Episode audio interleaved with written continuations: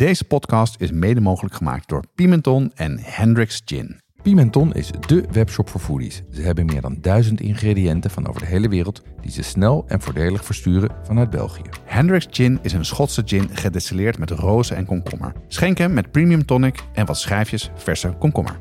Ook bij ons geldt geen 18, geen alcohol. Jeroen, kook jij wel eens eh, Surinaams eten?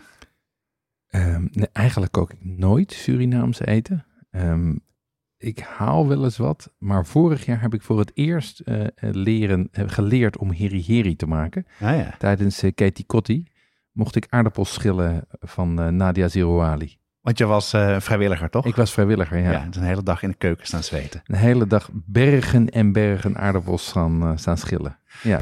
Klinkt goed.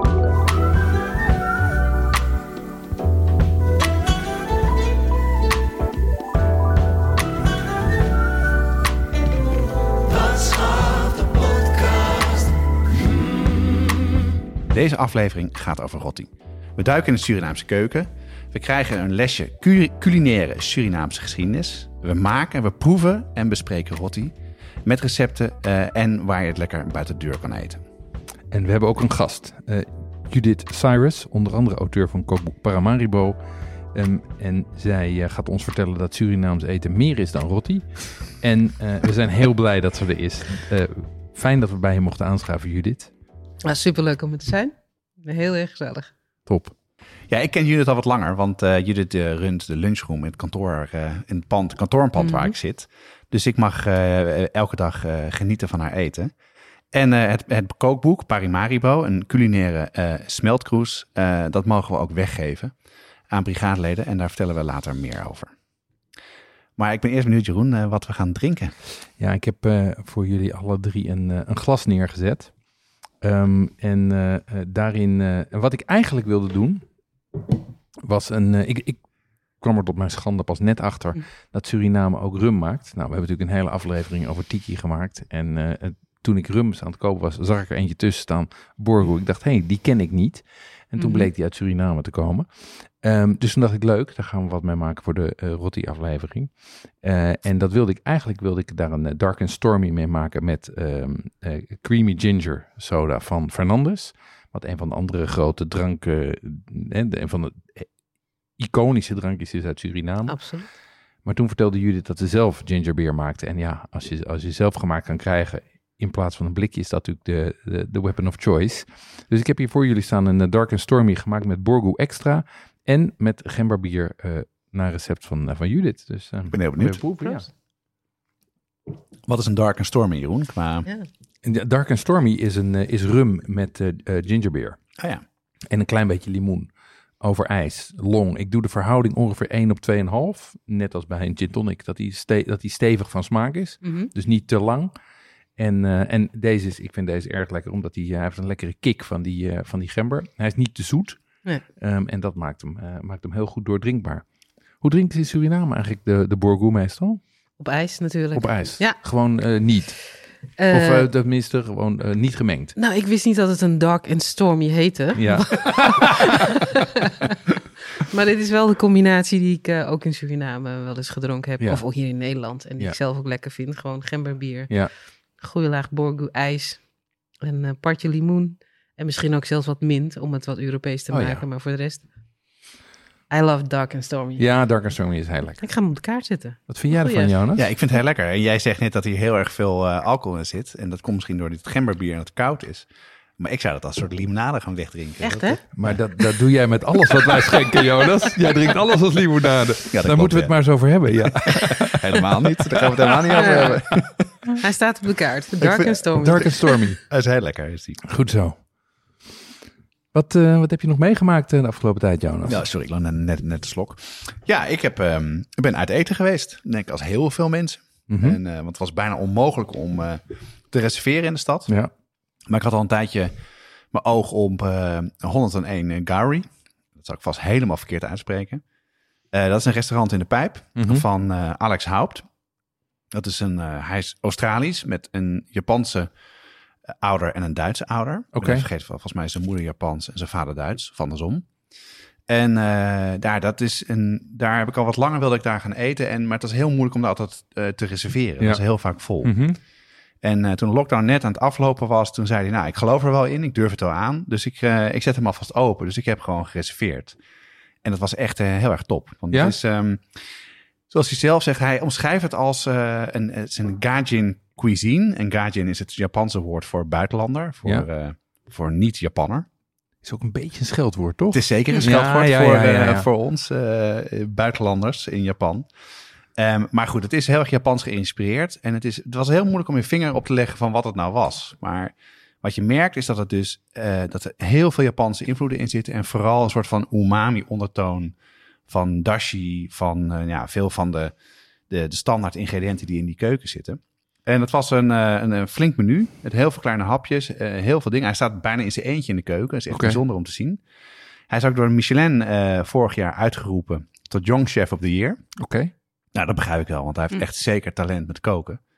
En eh, ja, ik vind het echt een aanrader. Het was wel zo, het was wel, eh, gelukkig had ik wat, eh, ja, ook daar wat drankjes gedronken. Maar de, dus de prijs, die, ik weet niet wat, verzacht eh, kwam die tot me, maar die is best hoog. Dus, Oké. dus het is wel, ik vond het wel een beetje duur. Voor, Maar voor feestelijke gelegenheden. voor feestelijke gelegenheden, dat was het zeker. Alright. Ja, Verder? Ja, verder heb ik, eh, ja, ik heb altijd een soort van de, met koken leg ik de lat altijd wat te hoog bij mezelf. Mhm. En eh, dus ik dacht laatste keer, ik had gewoon geen zin echt om te koken. Dus ik, ik ga gewoon een AVG'tje maken. Oké. Dus ik had, eh, ik had nog een gehaktbal, een Vlaamse gehaktbal in de vriezer. Ik Jij- deed de, Jij dacht na alle gaijin, na alle tiki, rotti in het vooruitzicht. Ik wil gewoon weer Hollandse pot. Nou, ik het is mis mijn roots. dit is meer, soms heb ik door de week dat ik als ik wil koken, dat ik denk dat ik een beetje opkijk tegen de hoeveel tijd die het kost. Ja. Omdat het gewoon een drukke Ja. dag geweest is. Ja. En ik dacht nu deze keer, weet je, ik, eh, ik doe gewoon iets simpels. Dus ik had eh gehaktbal gemaakt, er waren nog aardappelen, er waren nog spruitjes.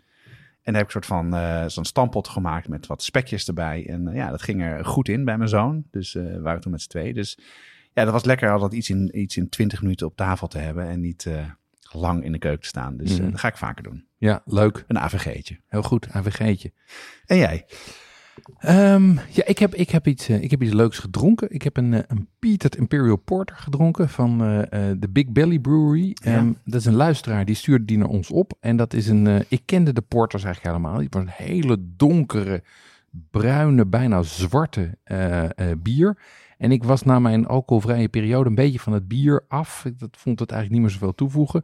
Maar deze gaf net die stevigheid en die kick waarvoor, waardoor ik het eigenlijk weer, weer herontdekt. Ehm, en wat hij ook in zijn selectie had staan, wat ik wel interessant vond, waarvan ik niet zeker wist of ik er zin in had, maar wat hij noemt liquid desserts. ja. Dus dat zijn bieren die blijkbaar heel zoet zijn. Ik heb nog geen toepassingsmoment gevonden.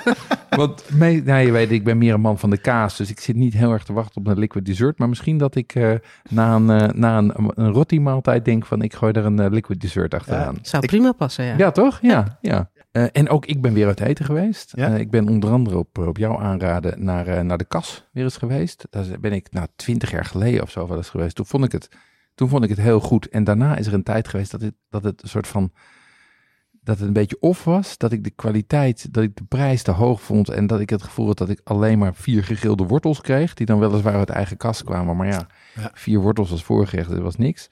En ehm, dus ik ging met een enigszins, een enigszins, laat ik zeggen, lage verwachting erheen. Maar dat viel niks tegen. Nee, Dat dat was, was lekker. Nou, dat was echt hartstikke goed. Ehm, wat ik knap vond, was dat het wel bijna allemaal weer vanuit eigen eh, kas of eigen tuin was. Dus heel lokaal.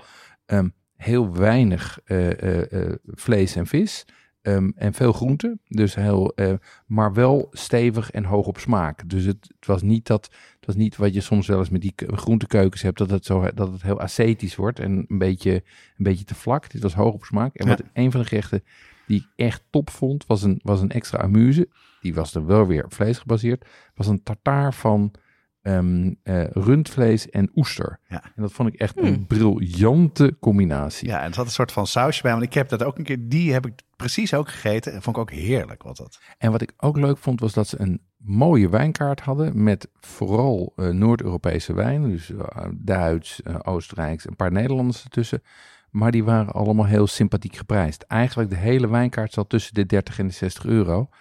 En dat vind ik, dat vind ik ook wel eens prettig om in een in chique zaak te komen waar je niet meteen richting de wijnen van 90 of 95 wordt gestuurd. Ja. Dat je je houdt bij het voorgerecht. Omdat Ja, en, Ja. ja, of dat je een wijn dat je, de- dat je denkt, ja, dat, Ja. dat je, Moet ik het wel? Moet ja, ik het moet niet? ik het wel, Ja, moet ik het niet? meestal niet, ja. Nee, ja. Ja. En, en dat vond ik dus ook. eh, dus ik was, eh, ik was heel aangenaam verrast. Ja, dus twee hele goede tips. 100 Gary en de kast. Dat is eh, Zeker. We kunnen weer uit lekker. eten. Lekker hoor. Ja. Jeroen, bij jullie thuis wordt toch veel hot sauce gegeten?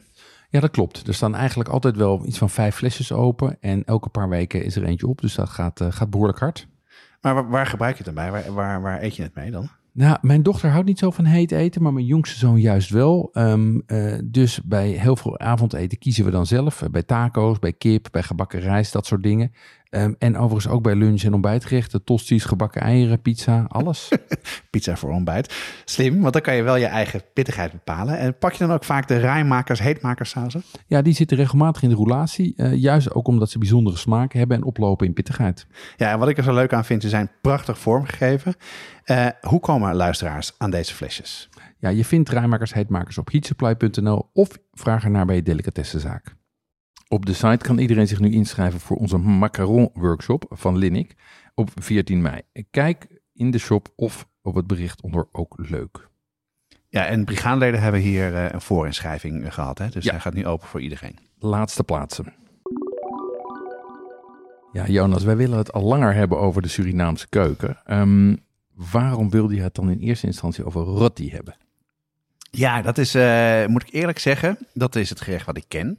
En eh, wat ik vaak eet of afhaal, als ik heel Mhm. eerlijk ben. Ehm, dus in mijn, eh, alle, in mijn wijsheid dacht ik ook van, nou, dat is het Surinaamse gerecht. En ik weet dat Judith, we kennen elkaar eh, van kantoor en zij heeft Mhm. een kookboek. Dus ik had haar kookboek laatst, had ik dat gekocht en doorgelezen. En letterlijk in haar eerste zin van haar inleiding staat, als ik aan iemand vraag, wat is je favoriete Surinaamse gerecht? En hij zegt rotti, dan heeft hij geen verstand van de Surinaamse keuken. Klopt. Hè? Mm, Nou ja, het klinkt wat harder dan ik het zo wat zeg. nuanceren. Ja, maar dat is wel wat ik dus voor Ja. mezelf ook, dat toen ik het las, dacht ik, ja, dat is gewoon zo, weet je. En zeker als je het boek leest, dan staat er heel veel meer in over de keuken. En wij hebben het er ook vaak over gehad met z'n tweeën. Ja. En jij hebt mij veel daarover verteld. Dus het was voor mij ook wel een beetje een pijnlijke con- conclusie. Maar daarom ook wel goed om daarmee te beginnen, omdat iedereen het kent. Maar tegelijkertijd ook meer te vertellen over Suriname als land. En vooral de culinaire Surinaamse traditie met alles wat erbij komt. Ja. En dat is heel interessant. Ja, en dat is natuurlijk ook wel, wel wat ik heb opgepikt eh, toen ik, eh, toen ik vorig, eh, vorig jaar bij uh, Beekheid die Culti stond. Ehm, op het moment dat je als twee witte mannen die niet zijn opgegroeid met de Surinaamse cultuur over de Surinaamse cultuur gaat praten of over de eetcultuur, dan ligt natuurlijk het risico van, van ongepaste culturele toe-eigening op de loer. Dus ik vind het ook wel heel belangrijk dat we daarin, dat dat aanbespreekbaar is, maar ook dat we Mhm. vooral ook luisteren naar, laat ik zeggen, de expert die ons alles kan uitleggen over hoe het zit. Ehm, en, eh, maar misschien is het goed als jij even iets vertelt over de achtergrond van, eh, van Judith, voordat we haar zelf aan het woord laten. Zeker weten. Ehm, nou, wat ik al zei, Judith eh, ken ik dus vanuit mijn kantoor. En we, we zien elkaar bijna dagelijks. Dus dat is heel fijn dat je hier weer het eten kon maken. Heel in het kort. Judith Cyrus is, zoals ze zelf zegt, een kind van een kolonie. Geboren in Paramaribo, maar heel vroeg naar Nederland verhuisd. En haar moeder, oma Kate, heeft haar kinderen opgevoed met de Surinaamse keuken. Met gerechten als pom, bakkeljauw en moxalesi. Maar ook met oesters, asperges en een, gat, een goed glas wijn. Uh, qua carrière heeft ze hotelschool gedaan, uh, veel cater cateringervaring opgedaan bij een kleine cateraar in de Jordaan toen ze op school zat, maar verder ook bij Schiphol gewerkt en ook eventmanager bij ABN AMRO geweest voor, geweest voor private clients. Haar culinaire ontdekkingsreis heeft haar de laatste jaren gevoerd naar stages bij Nopi van Ottolenghi, bar barbecue bij Jeroen Hazenbroek en sambals maken met Agus Hermawan. Oh, dat spreek ik verkeerd uit. Dat hoor ik zelf al. Ja, dat klinkt goed. Ja, gelukkig. en uh, nou, wat ik heel leuk vind, je merkt dat 2021 is een soort van transformatiejaar geweest voor jou, Mhm. volgens mij, als ik Ja. het zo, uh, zo zie. Toen is je kookboek uitgekomen, Parimaribo, een culinaire smeltkroes. Uh, ben je gestart met lunchroom De Buitenvrouw in Bosselommer in Amsterdam-West. En schrijf je wekelijks een kookcolumn in het Trouw. Ja. Nou, welkom. Leuk dat we bij jou aan tafel mogen schuiven. Nou, zeker. Ik vind het ook eh, gezellig dat jullie er zijn. Ik moet je zeggen, je, je cocktailtje die eh, komt goed binnen. Ja, komt die goed binnen? Ja, Hij is lekker. Hij heel is echt goed. lekker. Mooi. Ja, Ja, ik heb je kookboek hier voor me Mhm. liggen. Eh, eh, eh, eh, Paramaribo, een culinaire smeltkroes. Ehm, en het is misschien wel goed om even te zeggen dat het een, dat is een prachtig, ik vind het echt een prachtig boek. Ik heb er al in zitten bladeren. Dank je. Ehm, eh, met hele fijne recepten erin. Eh, een paar daarvan gaan we op de site zetten. Maar we gaan overigens ook twee van deze boeken verloten en eh, weggeven onder de leden van de brigade. Ehm, daarvoor zetten we een formulier op de site. Ehm, en daar kan je ook lid worden. Eh, en dan trekken we na twee weken trekken we een, kan je lid worden van de brigade. En na twee weken trekken we dan een, een winnaar. Absoluut. Ehm, laten we beginnen bij het begin en heel kort door de Surinaamse geschiedenis van Suriname lopen. Ehm, Jonas, kan jij even een kort overzicht geven? Ja, nou, ik heb eh, het, eh, dat is het leuke van het, eh, van het, eh, van het kookboek ook. Er zat een, een, ja, een overzicht in van wie er allemaal in Suriname is gaan wonen of woonde. Nou, het begon natuurlijk met heel lang voor Christus met eh Indiaanse, Indiase, nee, Indianenstammen. Ik moet dat Ja. wat, eh, eh, die daar nog steeds in eh, wonen in, de in het oerwoud, toch? We zeggen het meestal de inheemse. de omdat, inheemse, ja, ja, dat is beter. ja. Eh, dat legt ook gelijk uit wie de oorspronkelijke bewoners zijn. Of je zegt de oorspronkelijke bewoners van Zuid-Amerika, kan je Mhm. ook eh, Ja, ja. Ja. zeggen. En Amerika ook natuurlijk. Ja, Nou, toen is er eh, eh, rond de 17e Mhm. eeuw veel veranderd. Toen de Europeanen met, met schepen de wereld gingen veroveren. Eh zo kwamen Spanje en Portugal eh, naar Suriname met veel West-Afrika, West-Afrikanen die tot slaaf gemaakt zijn. Ehm, en ja, een eeuw later, de 17e eeuw, zijn vooral de Joden en Engelsen gekomen. Nou, de Joden, dat wist ik niet eens, dat die daar echt eh, vanwege godsdienstvrijheid zijn gaan wonen. En ook dat ze veel tot slaafgemaakte hadden. Dat, eh, daar schrok ik ook wel een beetje van, als ik eerlijk ben. Toen eh, kwamen de Nederlanders. Of die kwamen, het kwam het eind van de 17e eeuw kwam het tot Nederlands bestuur. Hebben we, het niet hebben we, we Nederlanders het niet geruild voor, voor New York? Ja, dat weet ik niet. Ja, dat, dat, klopt. dat, dat is volgens mij ook. ja, Ja. ja. dat klopt. Manhattan vooral dan, hè? Ja. Ja. Klopt. En eh, eerst in eh, Engels, Engels beheer natuurlijk Suriname. Mhm. En daarna. eh, en Paramaribo, zeg maar de hoofdstad van, van Suriname, lag op een ander deel dan dat het nu is. Niet aan de kust, maar meer zeg maar in de binnenlanden. Ah, ja. Net zoals de Jodensavanne ook. Dat is eigenlijk een van de. Volgens mij, ehm, hoe noem je dat? Een van de eerste koloniën waar de Joden vrij hun geloof konden beleiden. Dus het is, het is eigenlijk wel een hele kleurrijke geschiedenis Ja. Die ook door alle tot slaaf gemaakte eh, heen gaat. Ja, het is Ja. Heel, heel dubbel, hè? In Ja. vrijheid leven in de kolonie en dan mensen hun vrijheid ontnemen. En- Ja, maar eh, als je Jood, als je een kind, als een Jood een kind kreeg met een slavin, dan eh, was het geen slaaf meer, omdat Joden geen slaven houden. Of Ah, tenminste, dat was, dat is, ja, Oké. dat ging zo. Dus ze erkenden wel de kinderen die eh, geboren werden als ze ergens anders een kind maakten. ja. Ja. Nou ja, ja. Maar, maar dus een, Mhm. een, een- wat dat betreft een smeltkroes van culturen. Van, van eh, eh, eh, inheemse bewoners en vervolgens allerlei West-Europeanen Ja. en, en Afrikanen die daar bij elkaar zijn gekomen. Mhm. Ja. Dat leidt dus tot allerlei bevolkingsgroepen en, Ja. en eh, religies die volgens mij vrij eh, vredig samenwonen in, in Suriname. Ehm, maar die ook allemaal hun eigen culinaire cultuur hebben meegenomen. Ja. Oh, neem ik aan. Nou, misschien Ehm. moeten we één stapje terug nog, jongen. We vergeten de Nederlanders namelijk. We hebben het gehad over de Portugezen Ja. en de, en de Engelsen. En, eh, want in de 19e eeuw pas, en dat is veel later dan ik eigenlijk zelf dacht dat het was, eh, kwamen de eerste kolonisten. Eh, de Nederlanders waren wel heel druk in de slavenhandel daarvoor al met de West-Indische Compagnie. Dus het is niet dat ze zo pas heel laat die wereld instapten. Nou, echt helemaal niet. Ehm, en er is wel een moment geweest, namelijk met de afschaffing van eh, de slavenhandel en de slavernij, is dat er ook gewoon nieuwe bevolkingsgroepen naar Suriname kwamen, namelijk de contractarbeiders. En dat is Ja. heel belangrijk geweest, als ik het goed heb begrepen, Judith.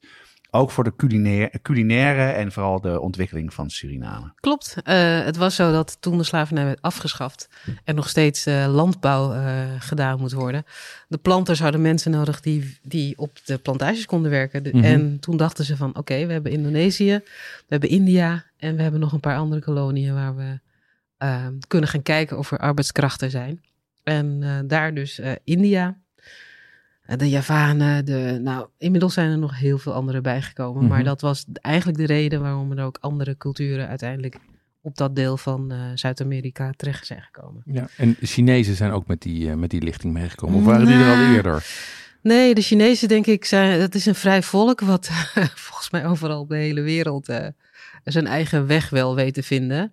Eh, en natuurlijk ook in Nederland waren er redelijk wat Chinezen. Dus Mhm. ja, Mm, nee, die behoorden niet tot de groep van de contractarbeiders. Het zijn eerder de, de mensen die de winkels hadden, de kleine shopjes. Dus het waren... Nee, Oké, nee. die, zaten, die, dat waren niet die contractarbeiders. waren geen planters en... en Nee. nee. nee, Dat waren het middenstand, zeg maar. dat was het middenstand. Ja, dat zijn ze nog steeds. En nu zijn, behoorden ze tot eigenlijk wel, denk ik, de elite van Suriname. Ja, Oh ja, serieus? Ja. Ja, ja. ja, ja, de- redelijk vergelijkbaar met hoe dat in Indonesië is gegaan. Daar, heb je ook, daar zie je ook eigenlijk dat die Chinezen vaak die, die handelscultuur Klopt. vervullen. Ja, Ja. ja. We hadden het Ehm, net over de bevolkingsgroep hè, en, de, en de culinaire ja, ontwikkeling. eh. Ja, en ik denk dat wel, ik ben wel heel benieuwd om even te horen, want welke groepen, laat ik zeggen, welke belangrijke stromingen heb je dan binnen die? Kan jij een overzicht geven van welke grote culinaire groepen en, en eh, welke grote, eh, hoe zal ik het zeggen, ehm, de bevolkingsgroepen je hebt en ehm, wat die culinair hebben meegenomen? Nou, als we het hebben over dominante bevolkingsgroepen, dan hebben we het over de eh, Creolen. Dat is Ja. eh, waar ik toe behoor, of tenminste, ehm, ja, de Creoolse gemeenschap. Ja. Die hebben vooral de aardap aardappelen of de pataten meegenomen. Of, Mhm. eh, dat, dat is wat wij eh, vaak eten. En dat heeft ook een historisch eh, idee, want slaven moesten lange uren maken op de plantages en aardappelen en, nee, pataten. Geen aardappel. dat is Ja. wat anders. En bananen waren natuurlijk producten die makkelijk in, ehm, op, op die plantages groeiden. En daarmee werden ze gevoed. Ja. Ze, kregen geen, ze kregen vulling, geen voeding. Ja, Om brandstof. lange, ja, Ja. om lange uren te kunnen staan. En eh, uit India is meegekomen eh, de curry's, de curry's en eh, waar we het vandaag over gaan hebben. Mhm. En de Javanen, ja, de Javanen kan ik wel zeggen, als je het hebt over variatie, culinair, verrassend, dan vind ik de Javaanse keuken in Suriname ook heel erg spannend. En om, zeker iets om een keer te behandelen. Want ze brengen de zoetigheid, de gulang gulang, de nasi, de bami, Pittigheid? pittigheid ook. Ja. Maar ook de Indiaanse keuken brengt ook weer Ja, veel pittigheid in, eh, in, de, in de keuken. Dus het is heel divers. Het is niet één, één roti of één pom. Nee. Het is Nee. veel meer. Het zijn- en, het zijn, en dat zijn hele duidelijke, eh, en, en herkenbare stromingen. Mhm. Mengt dat ook? Of bestaat het naast elkaar? Naast. Ja. Ja, naast. En het gaat wel een beetje door elkaar heen. Ik denk dat je kan het hebben over Surinaamse keuken. Ik noem het ook, mijn boek noem ik dus culinaire smeltkroes. Mhm. Omdat, ehm, ja, de, de, de, de, eh, je hebt bijvoorbeeld in, eh, in eh, Par- Paramaribo heb je een straat, het heet Blauwgrond. Daar ga je naartoe als je echt lekker Javaans wil eten. Ja. En dan rij je door de straat heen en dan kan je links, rechts heb je allemaal van die Javaanse eetshopjes waar je nasi bami en waarschijnlijk ook gewoon toch wel dezelfde gerechten kan halen. Maar daar ga je, je gaat naar de Javaan voor een Javaanse bami of nasi. Mhm.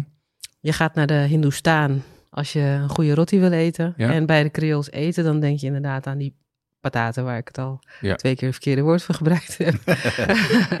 Eh, dus als je Creools wil eten, dan ga je naar de, naar, ja, naar de Creool. Oké. Eh, Dus oh, Heri Heri komt ook uit die... eh, ja, past Hereri lijn. is echt, het is Echt eigenlijk authentiek slaafvoer. Ja, Ja. ja, ja. ja. Het is natuurlijk ook heel massief, hè? Want het is allemaal aardappels en knolgroenten met een klein Knol- beetje smaakmaker Ja, eroverheen. en, en natuurlijk kokosolie, wat in het land goed groeit en waar je ook toch vulling mee hebt. Ja. Ja, dat, dat wordt natuurlijk Veel energie gebruikt. voor weinig. Ja. Zie. Ja, ja, Ja. daar komt het natuurlijk neer. hey, en ehm, Mhm. welke, eh, eh, wat, wat zijn dan de belangrijke eh, ingrediënten in die, in die Surinaamse keuken?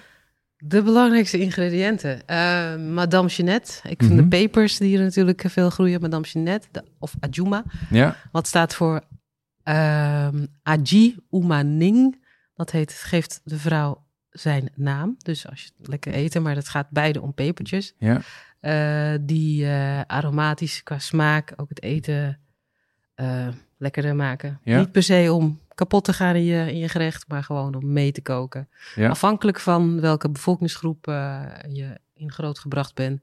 Dan zou ik zeggen dat de in Indiase mensen dus de, eh, wat pittiger eten. De Ja. Creolen eten sambal peper erbij. En de Javaan is ook meestal een sambaltje of de eh pindasaus is wat pittiger, maar niet per se heet eten. oké. Oké, en, en laat Mhm. ik zeggen, als basis, als ehm, Ja. eh, koolhydraten, eh, eh, wat, wat kom je dan tegen oh, door, de, door de hele keuken heen? Of welke keuken? De, verschillende, de verschillende Surinaamse keukens.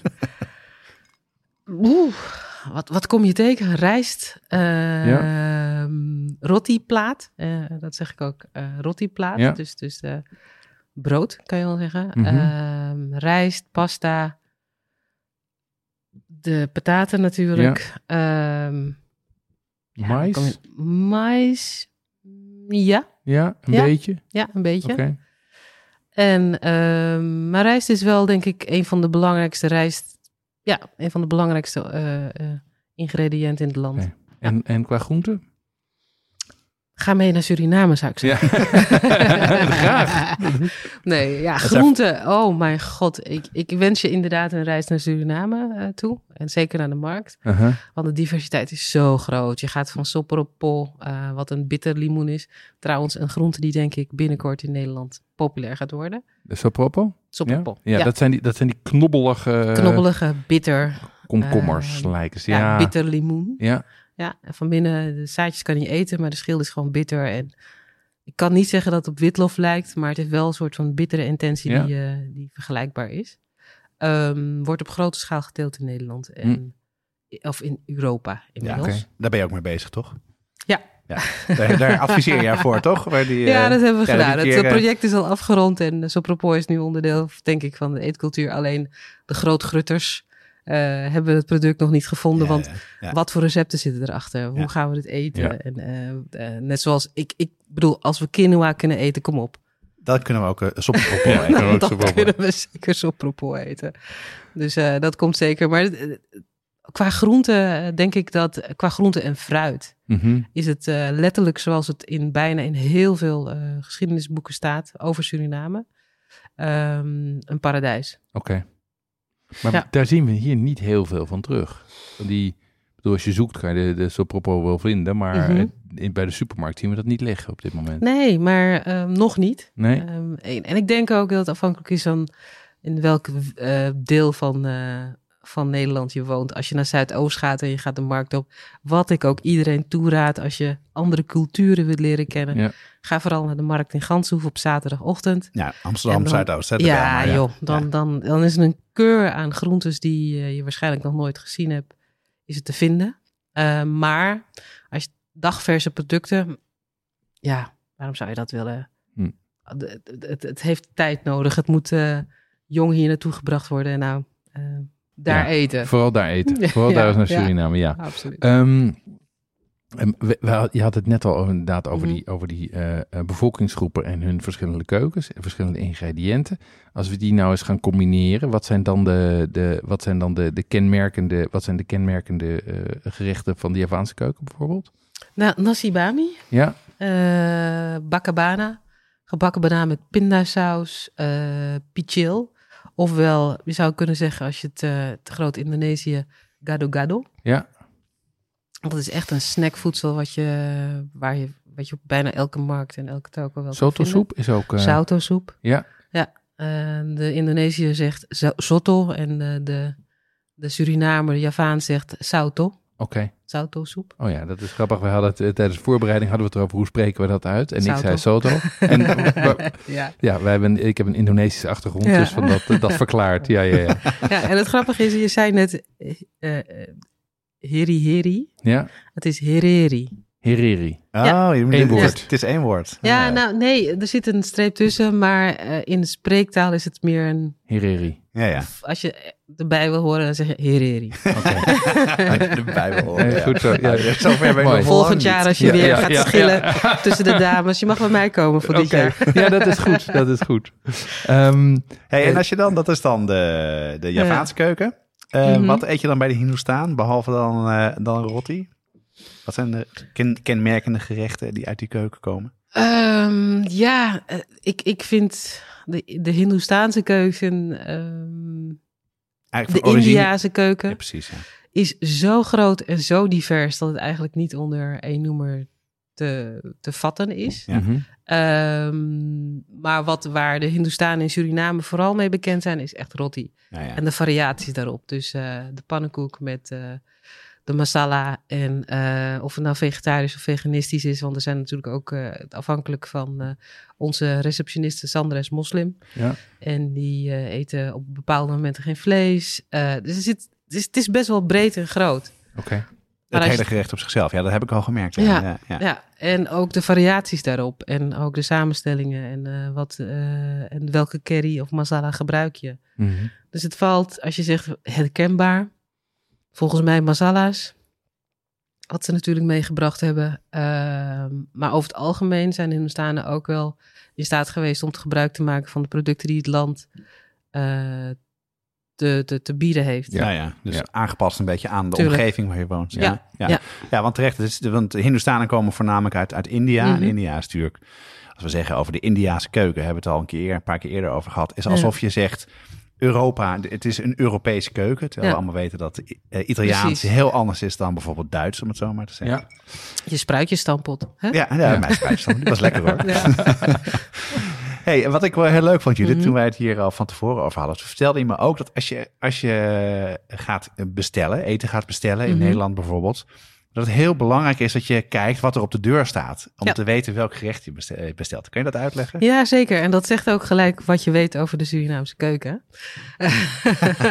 Niet zoveel. Dus, Mm. eh, Nee, maar eh, het is heel simpel. Ehm Sweetie, eh Lelydorp, Javaanse.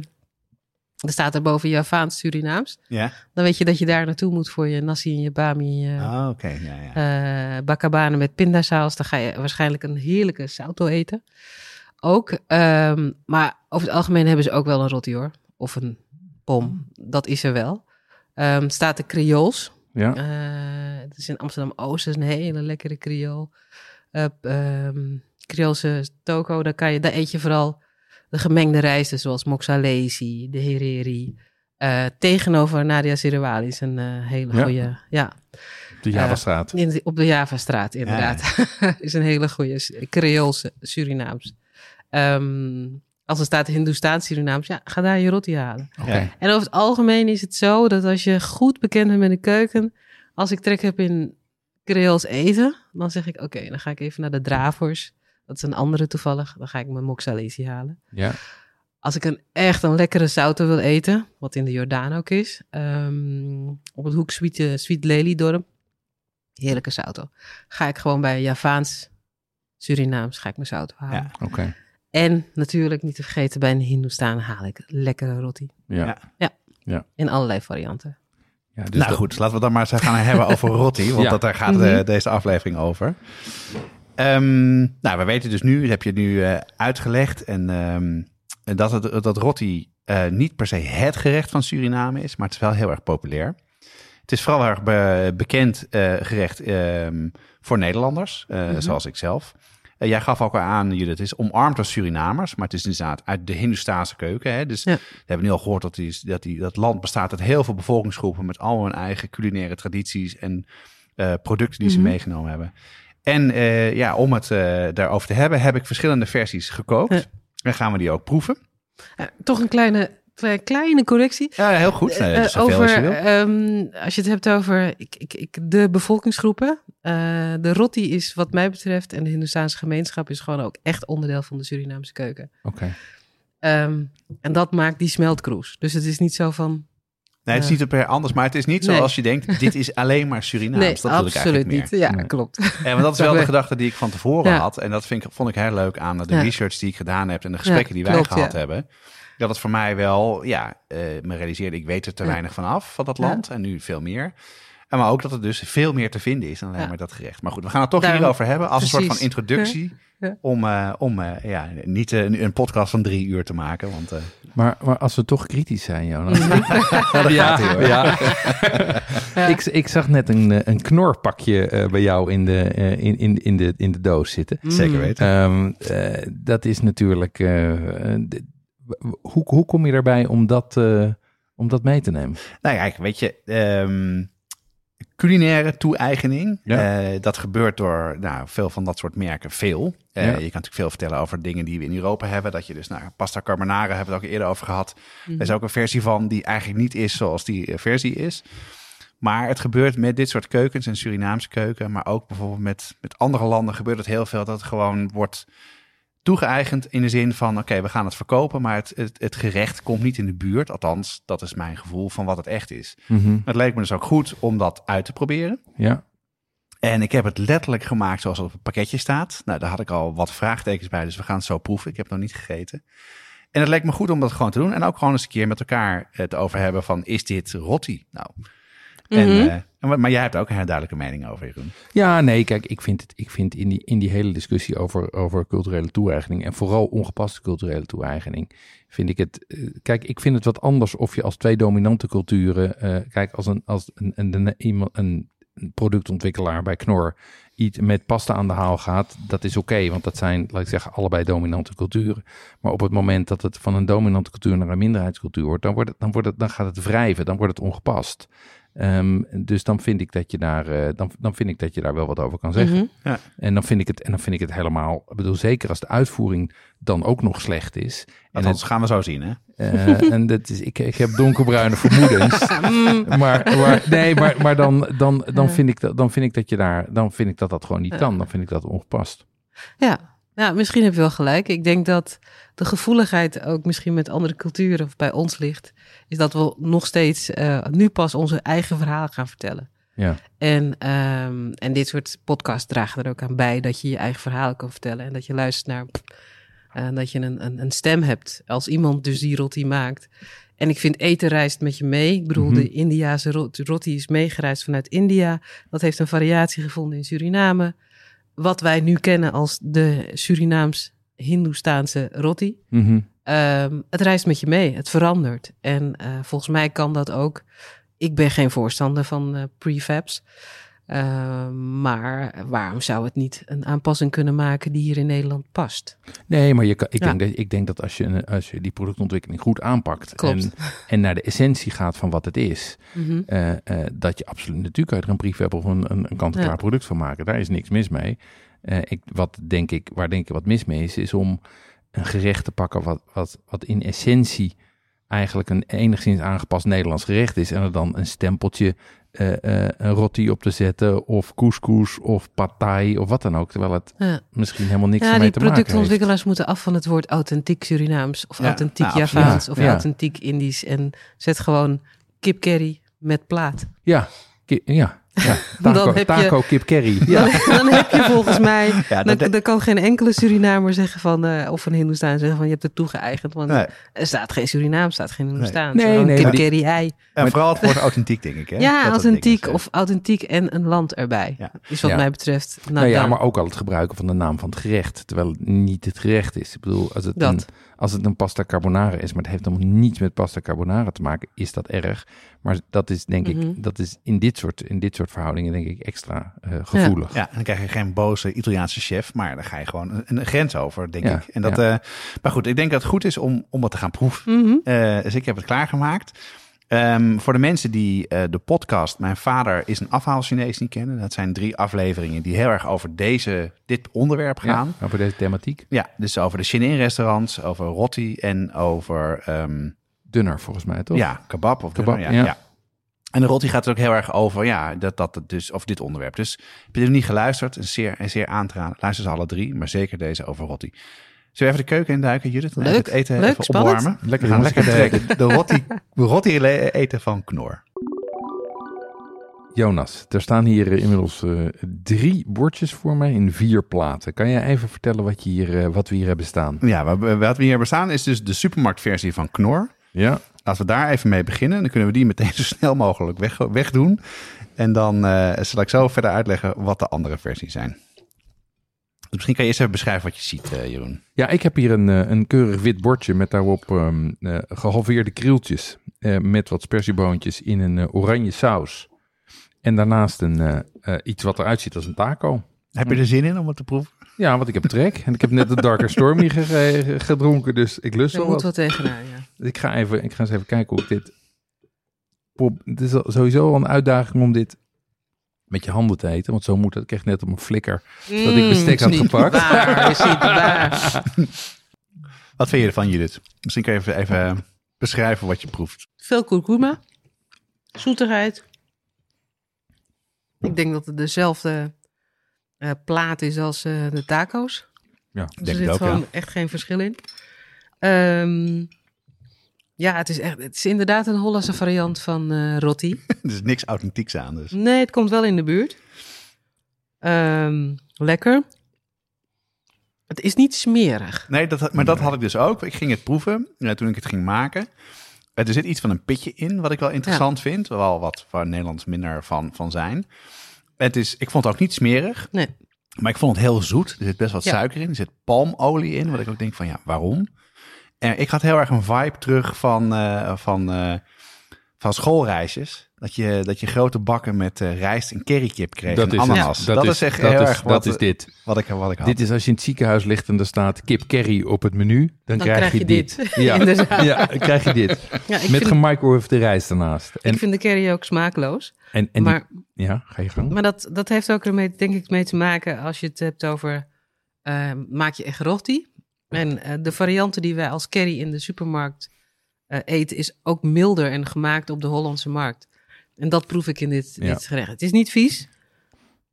maar het is geen Maar- rotti. Ja, haal, haal alsjeblieft roti in Surinaams en authentiek af van die verpakking Ja, af en- en verkoop het gewoon. En, het en, is niet vies. En die taco is gewoon een Een taco. taco. Ja, Dus eigenlijk Ja. eten we eh, kip curry met taco. dat is wat dit is. En dan zou je nog een ananas aan toe kunnen voegen en dan heb je het Helemaal helemaal, goed. En als dat op het pakje staat, is dat prima. Als op het Ja. pakje staat kip curry met taco, prima. Optioneel ananas. Ja, of met eh, eh, platbrood. Ja, ja, platbrood. Maar goed, laten we die snel wegzetten. Mhm. Ehm, wat is dan, in Judith, in jouw ogen, wat een echt goede rotti is? En vooral even voor mensen die het, die het niet goed kennen of het een beetje van een slechte afhaal kennen. Ehm, ja, Wat is de essentie van een rotti? Ehm, voor mij bestaat het uit meer, meerdere onderdelen. Een lekkere, goede pannenkoek. Ofwel de plaat waarmee je eh, er, ja, je toespijs of de vulling eh, eet. De aardappelen, de kip. Dat is, dat is een belangrijk onderdeel ervan. Maar ehm, ik heb niet zoveel curry hierop geschept. Maar ik vind ook de jus van die... eh, dus de masala die je gebruikt is ook belangrijk. Ja, ja. En dat de masala niet verbrand is in je pan, want dan wordt je, wordt je saus gewoon bitter. Ja. Ehm, en die, wat wij de knorversie heeft, een hele hoge kurkuma kleur en smaak. Dat is minder in de echte Hindoestaanse eh, masala of curry. Als een Surinamer het heeft over masala of curry, dan hebben we het over masala en niet over de Hollandse supermarkt curry. Precies, ja. Ik pak hier even een, eh, een schaal met vier verschillende platen. Ehm, jij hebt die platen gebakken, Jonas. Ja, welke, zeker. welke mag ik pakken om mee te beginnen? We beginnen helemaal links. Eh, nou, wat Judith al zei, kijk, de, de, de, de plaat, de naam van het gerecht komt echt van het brood vandaan. Wat een soort van platbrood is, wat ook echt een, uit India komt. Ehm, voor de mensen die het wel eens eh, hebben gegeten, ehm, die, ehm, daar, zit, er zit een vulling in. Vulling van daal zit erin. En eh, ik had al wel tegen Judith gezegd, ik ga ze zelf maken. Dat begon ze al heel hard te lachen. Eh, Ik heb echt best wel een week lang in de keuken gestaan en gemaakt. Eh, het alarm van de keuken, rookalarm, ging best vaak af, want het moet een hete pan. Dus de eerste is mijn eerste versie. En eh nou, laat eerst even zeggen wat jullie van vinden. Dan zal ik zo vertellen hoe ik hem gemaakt heb. Hm.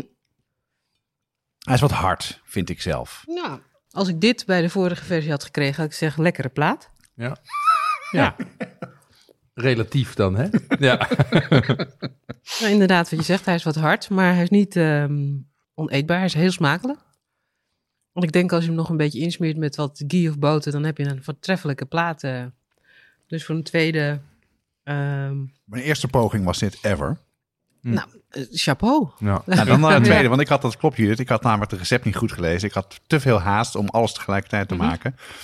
Dus je moet, toen heb ik daarna ook video's gekeken van hoe je hem maakt. En dan kan je, zie je ook Surinaamse dames hem maken. En dan, dan ziet het er zo simpel uit. En Ja. ik heb alle stappen gevolgd. Maar dan wordt het beter. Dus dan pakken we de tweede. Wacht even, ik ga nog even zeggen. Ik ga nog even zeggen Ja, hoe wat dat- vind jij ervan? Ja, kijk, wat, wat het, waar dit mij aan doet denken is, ehm, zeg maar, aan, aan platbrood. En dat kan zeg maar een Libanees platbrood zijn, of dat kan een, een, een, goede, een goede pita, maar zo'n soort brood. Dan net een slagje dunner. En daartussen zit dus een soort van gele, nou poeier is het niet, maar wel een redelijk droog rul eh, eh, eh, mengsel. Ja. Waardoor als je hem eet, als je hem scheurt, dan valt hij eigenlijk in twee helften uit elkaar. Bijna zoals bladerdeeg ook uit elkaar kan vallen. Ehm, en die vulling, die, die buitenkant heeft een aangenaam kleine verbrande puntjes erin zitten, die hem net een beetje de rokerige geeft. Hij, heeft, hij trekt een beetje want, van de gluten. Ehm, en wat ik verder lekker vind, is dat door die, door die rulle binnenkant is het ook aan zich al een is het lekker om het op zichzelf te eten, omdat het meerdere componenten heeft. Ja, En dat ja. had ik net niet bij die taco. Die taco, dat is gewoon een droge pannenkoek. En Ja. dit is ook qua mondgevoel en qua complexiteit is dit gewoon en is dit echt heel iets anders. Dus eh, ik vind het een. ehm, Ja, ik ben geen roti-expert, maar ik vond dit, ik vond dit eh, een aangename eetervaring. Ja, en eh, hij, is, hij is prima, hij is goed op smaak. Nou, laten we Eh. de tweede doen. Want eh, toen he- heb ik dus die filmpjes bekeken en gezien wat dit het net al aangaf als tip. Je moet ze eigenlijk met in olie bakken. De eerste had ik droog gebakken. En deze heb ik ook na het bakken heb ik die ingesmeerd. In dit geval met ghee. En, eh, en voorzichtiger en dunner uitgerold. Goed, eh, dit is dan, het lijkt zo volkoren meel, maar hij is wat donkerder. Maar het is van een molen, wat ik nog staan van, eh van zuurdezen. Ja, deze heeft veel meer smaak Ja, door die boter. En veel meer zoals ik hem ook ken als ik, ze, als ik het eet. God. Mm. Hoewel die Mm. bij mij, maar het kan zijn een stukje wat ik heb, net wat minder vulling heeft. Die vulling Ja. is wat minder. Is wat minder. Ik vind dit meer richting een Hollandse pannenkoek gaan dan, dan, dan die eerste. En toch zeg ik ehm, voor iemand die nog nooit roties gemaakt heeft, eh, eh, slaag je best wel goed erin hoor. Eh, Voor een witte man, best Nou, prima. Dan, Ja. snel, snel dan, ehm, de, laten we dan de laatste doen. het is echt smakelijk. Mhm. Maar die heb ik ehm, gemaakt met zelfrijzend bakmeel waar je het mee maakt. Je maakt gewoon eh, de, de, Wat belangrijk is voor mij bij een roti, een goede roti, is dat je hem zonder eh, vlees of aardappel eh, kan opeten. Die ook zo wel lekker is. Ja, dat Ja. die ook zo wel lekker is. En ik merk dat jouw roties eh, zonder toespuis best lekker zijn. Het was nog niet makkelijk, Judith, om ze te maken, kan ik je vertellen. Nee, inderdaad. Dat zeg je goed. Ehm er gaat eh, volgens mij ook een, een, een generatie aan, aan roti-rollen aan vooraf om een hele goede plaat te hebben. En dan hebben we het over een ouderwetse LP-plaat. Ja, die zijn normaal veel groter dan ik gemaakt heb. Ja. Van de andere kant, waarom zou je grote platen moeten, eh, gelijk moeten maken eh, als iemand, eh, net zoals een banketbakker, jaren nodig heeft om een goed brood te bakken? Of te leren in ieder geval. Ja. Is het ook met het maken van de plaat best wel ehm, een handeling. Je moet letten dat hij zacht blijft. Je moet hem inderdaad goed uitrollen. Hij moet omhoog komen. En dan moet je hem insmeren. Dan moet je hem bedekken. Dus het is een vaardigheid die ook echt wel eh, wat, eh, wat tijd nodig heeft. Dus pak rustig door. Ehm, maar ik moet zeggen, als je het hebt over eh, lijkt het op roti in alle drie, vier Ja, varianten. naar. Ja, absoluut. Ah, top. Het smaakt naar roti. Ehm, lekker pittig ook. Ja. Ehm, ja, en inderdaad, die laatste heeft wel wat rooksmaak, maar mijn complimenten. Ja, mooi. Ik, de kleur verrast me, maar het is natuurlijk... Ja, komt eh, door, we door kunnen, ja, wat we, donkerder, we, ja. we kunnen, we kunnen het hebben over... eh, ehm, kijk, roti is het hele... Wordt staat gelijk voor het hele recept. Maar in principe is het natuurlijk brood met kip. Ja. Wat wij hier voor ons hebben in ieder geval. Ja. Nou, en wat je dus, eh, en, en je Ja. hebt er, je- dat heb jij ook hier in de keuken Ja. staan, een speciale eh roti-plaat. Hè? Die is Mhm. veel groter en eh, die wordt er veel voor gebruikt. Maar toen ik aan jou vroeg van maak je het zelf vaak, zei je nou... Nou ja, weet je wat het is? Ehm, kijk, het is precies wat je zegt. Als je, als je, je had het over je spruitjes, dat je door de week snel wat wil eten. die spruitjes. Ja, die spruitjes komen terug. Ik vind dat die terugkomen. Als je snel wil eten en ook door de week kan je gewoon roti eten. Laat knor gerust staan. Eh, en eh, wij in Amsterdam hebben absoluut eh, het voordeel dat we kunnen kiezen waar we naartoe gaan van, qua roti shops. Ehm, haal, ehm, als, je, als je op de deur staat, Hindoestaanse toko, ga daar absoluut je roti platen halen. Tegenwoordig verkopen ze per drie. Kost eh, volgens mij 3 euro. Ehm, en dan kan je s'avonds, maak je gewoon een lekkere kip curry op de manier zoals jij hem lekker vindt. Of vegetarisch, maar eh, de plaat, daar zit gewoon het werk in.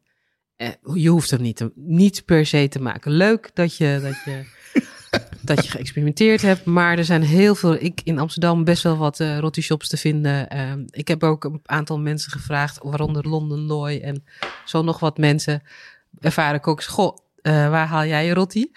en hij zei van, mijn platen. Dus de rest maak ik zelf, maar Ja, mijn platen precies, ja. haal ik daar en daar en daar en daar. Ja. Dus dat, dat is gewoon een standaard geworden. Ook eh, denk ik, eh, wij hebben hier ook eh, ja, een Hindoestaanse receptionist en eh, een, een kennis van haar van de kerk maakt prima platen.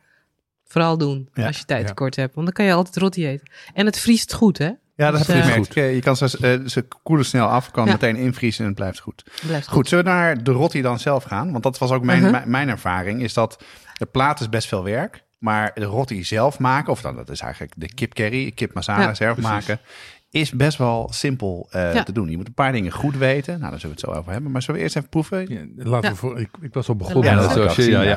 Nou, ik heb twee versies gemaakt. Ik heb één versie gemaakt en dat is dan, zoals waar wij het veel kennen, is eh kip masala met eh aardappelmasala en eh masala.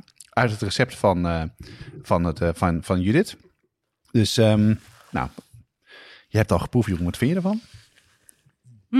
Maar ik mag nooit met mijn volle mond praten van mijn moeder. Nou, jullie moeten de bordjes zien, ze zijn leeg. Dus eh, Hm. wat vind je ervan? Maar misschien goed om even te beschrijven voor de mensen die het minder Ja. vaak gegeten hebben, wat je, wat je proeft en wat het is. Dat ga ik zeker doen. Nou, als ik het even... Ik heb, wat dat betreft is goed dat we met die van, eh, van Knor zijn begonnen.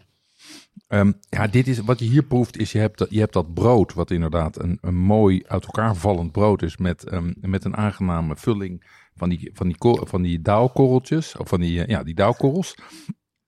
Vervolgens heb je een vrij diepe, redelijk pittige eh, curry, die eigenlijk bestaat uit helemaal uit elkaar getrokken, eh, door lo- losgestoofde kip. Dus dat is helemaal uit elkaar gevallen. In tegenstelling dat die van, ehm, die van Knor, die is lichtgevend oranje.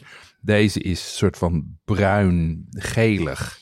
ehm, en, en heeft, een hele, ehm, heeft een hele aangename pittigheid. Nou, en dan krijg je daarnaast dus nog die aardappels en die, ehm, en die eh, sperzieboon. Die een, die een hele prettige afwisseling qua structuur geven. Mhm. En, en ook een goede smaak van de aardappels. En ik vind het een- in, zijn, in, in combinatie is het een heel mooi gelaagd gerecht. Wat bestaat uit die, die rokerigheid en de rullen van dat brood. Dat pittige, dat sappige, dat vettige umami van dat vlees. Dan weer een stukje van het droge van die aardappel. En een hele, dat frisse van een, eh, van, van een, eh, van een boontje wat je af en toe tussendoor krijgt. Mhm. Dus bij elkaar is dat een heel, is een hele, is een heel complexe en langlopende smaakervaring. Ja. Ik vind het ontzettend lekker. En je hebt de kousenband gebruikt, hè? Ik heb van- zeker kousenband gebruikt, ja. Ja. Nee, dat heb ik... eh, ik moet wel zeggen, ik heb wel bevroren gekocht, voorgesneden. Dat vroeg ik ook aan de, de, de, de Hindoestaanse toko-dame bij mij in de buurt. Wat doe je zelf? Want ze had ook gewoon Mhm. verse liggen. Ze zei, ja, ik- vers is vers. Ja. En, eh, maar ik neem altijd eh, uit, de, uit de vriezer, want het is al voorgesneden en klaar is veel makkelijker. Ja. Dus ik dacht, nou... Voor de snelle maaltijd. Maar goed, ik vind dus de, dat, die kousenband vind ik heel lekker. En wat bijzonder is, Jeroen, aan deze versie... Mhm. is dat ik het eh, masala goud van Judith gekregen heeft. Kijk, want ik was begonnen met, de, met die versie die we zo gaan proeven. Toen zei ze, ik heb nog een doosje voor je, heb ik meegenomen uit Suriname. Maak dan dit daarmee. En daar komt vooral die pit vandaan. Want het is verder een vrij simpel gerecht. Het is gebaseerd met knoflook, met ui, een klein beetje tomaat, eh, masala en dan eh maggi-blokjes en water. Ja. En dan eh, dit heb ik kip, kippenbotten genomen, eh, kippenpoten met botter in. Ja, Dat heb ik eh, gemaakt, s s'avonds laten staan, volgende dag een beetje opgewarmd. En dan valt hij eruit. Dus eh, wat vind jij ervan, Judith? Ik vind het, ik vind het goed gelukt. Wat ik, nogmaals, wat ik belangrijk vind, is dat je zorgt dat je, dat je eh, masala niet verbrandt. En daar heb je gewoon goed op gelet. Het, het is erg lekker. En je hebt de Dox masala gebruikt, hè, die ik meegenomen Ja, heb. zeker weten. Ja, ja. ja. die is eigenlijk bedoeld voor eend dan toch? Dox is toch Ja, eend? ja, Ja. inderdaad. Maar ehm, ja, om te zeggen dat, eh, dat er één soort masala is, dat is natuurlijk, eh, dat is niet waar. Nee. Je hebt, eh, je hebt de masala wat ze gebruiken voor de chutney. eh, wat tegenwoordig heel erg hip is natuurlijk. Matas masala in de, hè, in de thee. Ja, Eh, dus er zijn, het, het valt niet onder één noemer te plaatsen. Je hebt voor verschillende eh, combinaties, voor verschillende recepten. Ja, ja en wat- ehm, in, in, in mijn geval, in, in dit geval dan eh, de Surinaamse is, we hebben hin, Hindoestaans-Surinaamse masala. En die gebruiken we dan ook voor. Ja, want er staat, er staat, docs op, maar in het kookboek staat ook... eh, er is ook... eh, er wordt masala met kip gemaakt, maar ook Ja. met boomkip en met rivierkip. En wat, wat zou dat dan zijn, Jeroen? De boomkip en de rivierkip? Boomkip zal wel iets van een duif zijn of zo. Of, eh eh, Een leguaan. Ah, ja. En de rivierkip? Vierkip eh kikker. De kaiman. Kaiman. Oh, lekker. Ja. Ja, lijkt me prima. Maar dat mag niet meer, hè? Toch? Nee, ik moet Oh. zeggen dat ik, ik, eh, ik ben opgegroeid met inderdaad de boomkip, zoals, je dat, eh, zoals jij dat noemt. Eh, de leguaan is gewoon echt lekker. Ja. Ja. ja, Het is een beetje taaier dan, eh, maar het proeft als eh, kip en vooral die eieren. Als het een vrouwtje is, dan hebben ze van die eieren, die kan je, nou, dat klinkt raar, dat kan je lekker uitzuigen. Dat is echt, eh, Ik, heb, ja, echt ik ken dat. Ik heb, dat ook, ik, heb, ik, heb, ik heb wel schildpadden-eieren gegeten. Die zijn Ja, ook ja. erg lekker. Maar Ja. dat is ook niet helemaal... Kan, kan helemaal niet meer. Nee. Nee, nee.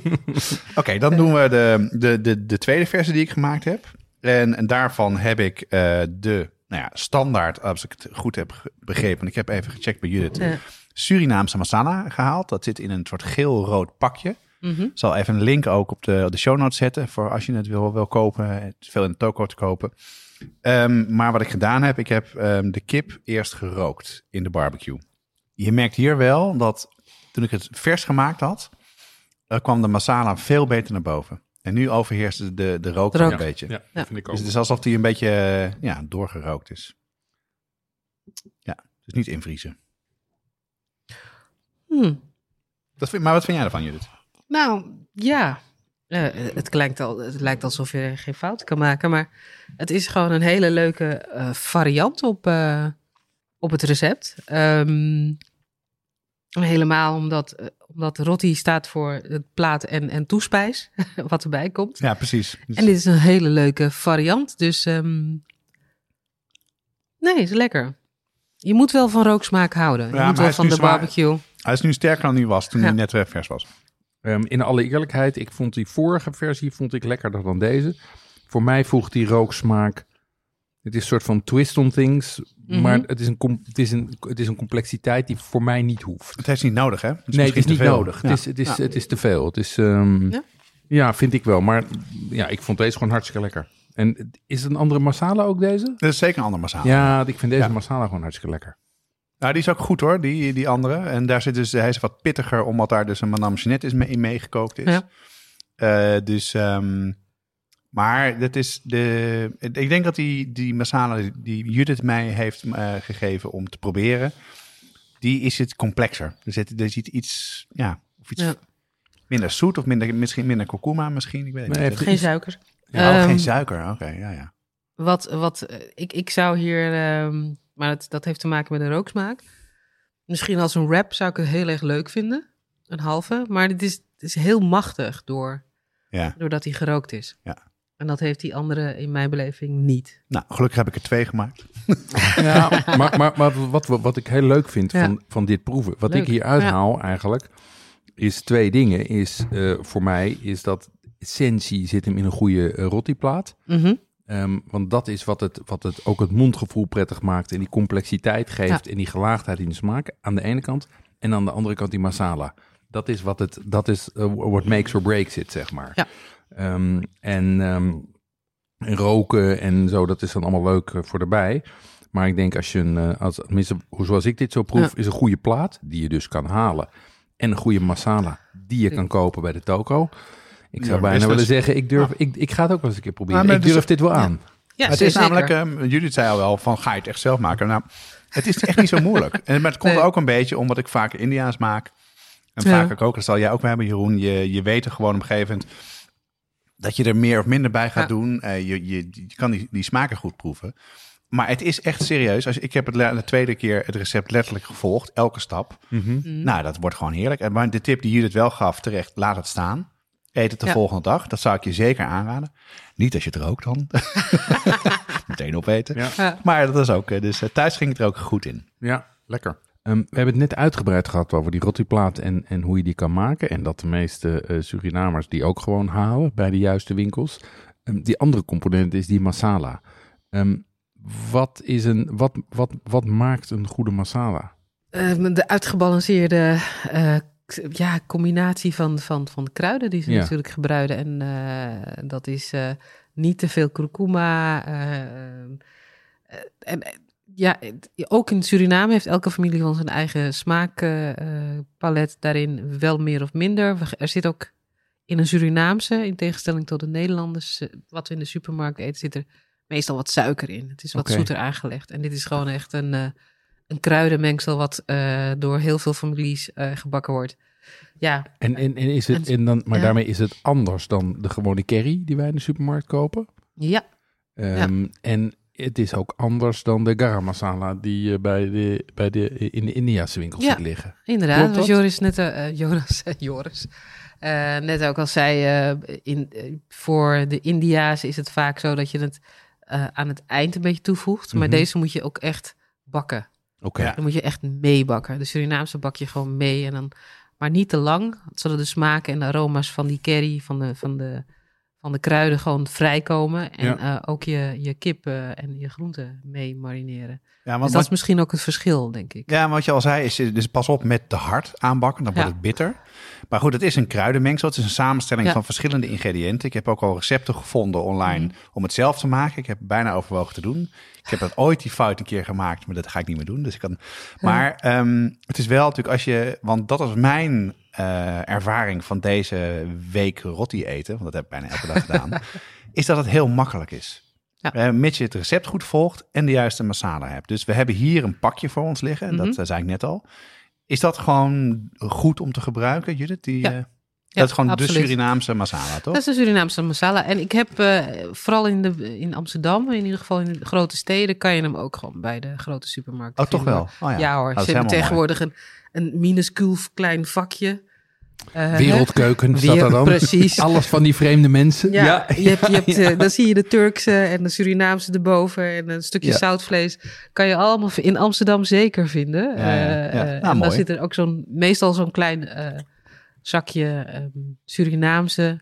Ja, er staat op, Surinaamse, staat op Hindoestaanse. Hin- Hindoestaanse masala Dat Van- moet je hebben. ha nandan. Ja, Ja. Hindoestaanse masala. Ja. Ja, en dit is dus het, het kleinste zakje wat je kan kopen. Ik dacht dat ik daar genoeg mee had, maar hier heb ik dus één portie mee gemaakt. Dus koop een grotere zakken, zou ik vertellen. En het is ook je- lang houdbaar hoor. Ja, en dan kan je ook vertellen, Ja. je huis ruikt echt flink naar masala. Het is, je proeft Absoluut. het wel wat minder. Het is minder eh, pittig en stevig qua smaak. Mhm. Dus je doet er, en je moet er veel in doen. In jouw recept van een kilo eh, kip ongeveer zes eetlepels.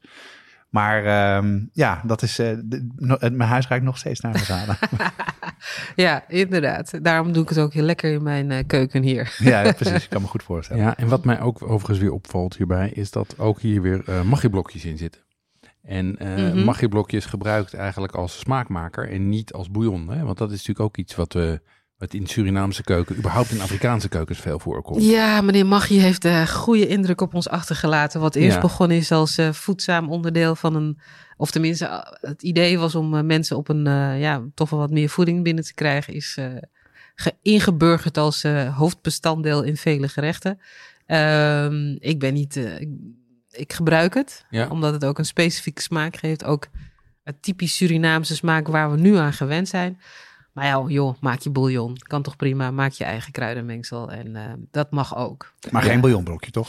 Nee, wat het is. Wat nee, het, wat het is verschil- echt magie. Ja, het is, nou ja, wat het natuurlijk is, het is edelgist en smaakversterker. Ja, Eigenlijk is het wat dat betreft wel vergelijkbaar met hoe vetzin wordt gebruikt in, Mhm. eh, in, in, in, de, Ja, in ja. de Chinese, maar ook in de, in de Japanse keukens. Ja. Het is gewoon het is een smaakversterker. Ja, en ja.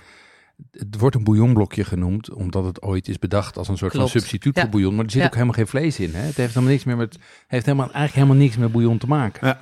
Nee, Dus ehm, ik, ik, ik, nogmaals, ik gebruik het in sommige gerechten nog steeds. Eh, maar eh, ook in de Surinaamse keuken en ook eh, teruggaan naar ehm, de origine van gerechten. Voor die 50 jaar, waar mijn, mijn oma zal ongetwijfeld wel in, in die 50 jaar dat ze nog bestond, eh het magieblokje gebruikt hebben. Maar daarvoor hebben ze ook bouillon ja, gemaakt. dat is waar. Is ook Tuurlijk zout waar. gebruikt Ja. en, en andere producten. En hergebruik Dus, natuurlijk ook eh, als je je kip geslacht hebt. eh gooi je Ja, in een toch? pan en trek je daar een bouillon bouillon van. van, Dat gooi je ja. niet weg natuurlijk. Nee, nee. Goed. Ik heb het zelf gemaakt. Ja, En ehm, eh, dus je kan het zelf maken. Ik zou wel zeggen, zeker de hardcore brigadeleden, Mhm. maak die plaat een keer zelf. Maak Ja. er wel een weekendproject van. Eh, begin op, ma op, op zaterdag. Doe het balletje met deeg in de ijskast en, en maak je plaat op eh, zondag. Je waardeert het meer, je begrijpt het beter. Dus dat, vind ik, dat heb ik er wel uit uitgehaald. Maar waar kan je het goed buiten de deur eten, Judith? Wat zijn wat jou betreft adressen waar je eh, een goede rotti kan eten? Eh, een van de grootste ehm, in Nederland en in Suriname is Roepram. Eh Roepram is, heeft meerdere filialen in, eh, in heel Nederland, eigenlijk in Den Haag, in Amsterdam, volgens mij ook Rotterdam. mhm. Daar haal je gewoon goede rotti, goede platen. Ehm, als je het zelf wil maken. Ehm, in Amsterdam heb ik mijn favoriet. Dat heet een, het is een toko. Het is geen, eh, het is geen eh, winkel, waar, geen restaurant. Dat is Rustem. Mhm. Rustem, eh daar kan je fantastische roti eten. Halen eigenlijk. Halen. Ja, Ja. In de pijpen. in de pijp. En om toch nog maar een switch te maken naar... eh, we hadden het over dat ook de Javanen natuurlijk een goede roti eh, eh, maken. Waarom, eh waarom le- Sweetie... eh, moet ik het even goed zeggen hoor. Sweetie Lelydorp, zo uit mijn hoofd in de pijp. Dat is er ook eentje. Spamakandra, ook in Amsterdam. In Rotterdam is het ook Roetpram en eh Asja Asja. Ehm, Den Haag. Ik ga weer terug naar de Roetpram. En de Midnight Rotti Shop. Klinkt goed. Almere, Rotti Mahal, Groningen, Shanti Rot- Rotti Shop. En om je heel eerlijk te zeggen, als je de Indiase keuken wil leren kennen, ik vind eh Surya in, ehm, die heeft ook meerdere filialen in Nederland, in Hilversum, Amsterdam en mijn favoriet in Utrecht. Daar kan je heerlijk Indiaas eten. En dan krijg je ook een idee van hoe complex en hoe divers de Indiase keuken wel niet is. En dat het niet alleen maar de roti kip is die wij eh, uit de Surinaams, Hindoestaans Surinaamse keuken kennen. Wil ik erbij zeggen, want India is heel erg groot en divers. Nou, goede tip. Ken ik nog niet, dus dat ga ik zeker, zeker doen. Hey Judith, we zijn een beetje aan het Mhm. eind gekomen van, eh, van de podcast. Dank alvast voor eh, al, je, al je adviezen en je tips. En eh nou, ben blij dat je het lekker vond. Zeker, Ehm, graag zou jij, want dat is ik me net aan het denken, zou jij misschien een, een workshop willen geven over Surinaamse keuken aan onze brigadeleden? Oh, zeker. Hartstikke leuk. Want ja, dat- zeker. Heb je, dat doe je veel, hè? Workshops. Ja, ja, ja. Ik, ik geniet er ook van. Ook omdat eh, ehm, niet alleen het eten ter sprake komt, maar natuurlijk ook de gevoelige onderwerpen als in toe-eigening. eh, wat is de Surinaamse keuken? Die is ook divers en ook heel Nederlands, hè? Want Rotti heeft eh, een aardappeltje erbij, daar hebben we het niet over gehad. Maar waar zou dat vandaan kunnen komen? Ja. het heeft ook heel veel Nederlandse kenmerken die ik eh, graag in mijn workshops ook eh, ja, bespreek. En dan gaan we samen koken. Ik vind het superleuk. Leuk. nou, dan, ga- dan gaan we een datum zoeken en, dan komen we daar later op terug wanneer dat, eh, wanneer dat kan. Hartstikke goed. Ehm, Jonas, misschien is het goed om even een samenvatting te geven, want het was een vrij uitgebreide overzicht van, eh, van Rotti. Ja, laat ik het even doen. Eh, rotti is dus niet het Surinaamse gerecht, maar wel een van de vele en een hele populaire. Eh, de rotti draait om een plaat, het brood, het platbrood. Dat is ook de naam voor het brood, rotti. Dus eh, eigenlijk als je rotti bestelt, zou je theoretisch alleen maar het platbrood moeten krijgen. Rotti kan je dus heel goed zonder kip eten, met heel veel aanvullende gerechten, maar nooit zonder masala. Gebruik maggi-blokjes. Dat, ja, dat, dat maakt het echt lekker. Of een eigen goede bouillon die je maakt. Ehm, wat ik het leuke vond van de recepten die ik van Judith heb gemaakt, dat dus het zijn allemaal eh, eh, diverse gerechten die je allemaal apart op spraak brengt. Je gooit niet alles in een grote pan bij elkaar. Althans, die versies zijn er natuurlijk ook, maar in dit geval hebben we het gedaan. En zeker bijvoorbeeld die kouspand komt goed naar boven. Ehm, maak genoeg, heb ik ook van Judith geleerd. Want eh, je moet altijd, de deur moet altijd openstaan voor gasten. Mhm. Dus zorg ervoor dat er genoeg is. En eet met de juiste hand. Want je eet het Ja. met je handen namelijk. Heel goed, heel goed, heel goed. Hey eh, Judith, ontzettend bedankt eh, dat je er was. Ehm, fijn dat je ons kennis hebt laten maken met de interessante culinaire geschiedenis van eh, Suriname. Daar komen we graag Mhm. nog een keer op terug. Ehm, en we gaan graag twee recepten van jou op de site zetten, zodat mensen zelf eh, kunnen proberen wat ze eh, kunnen proberen om, eh, om roti te maken. Lijkt me een goed idee. Hartstikke goed.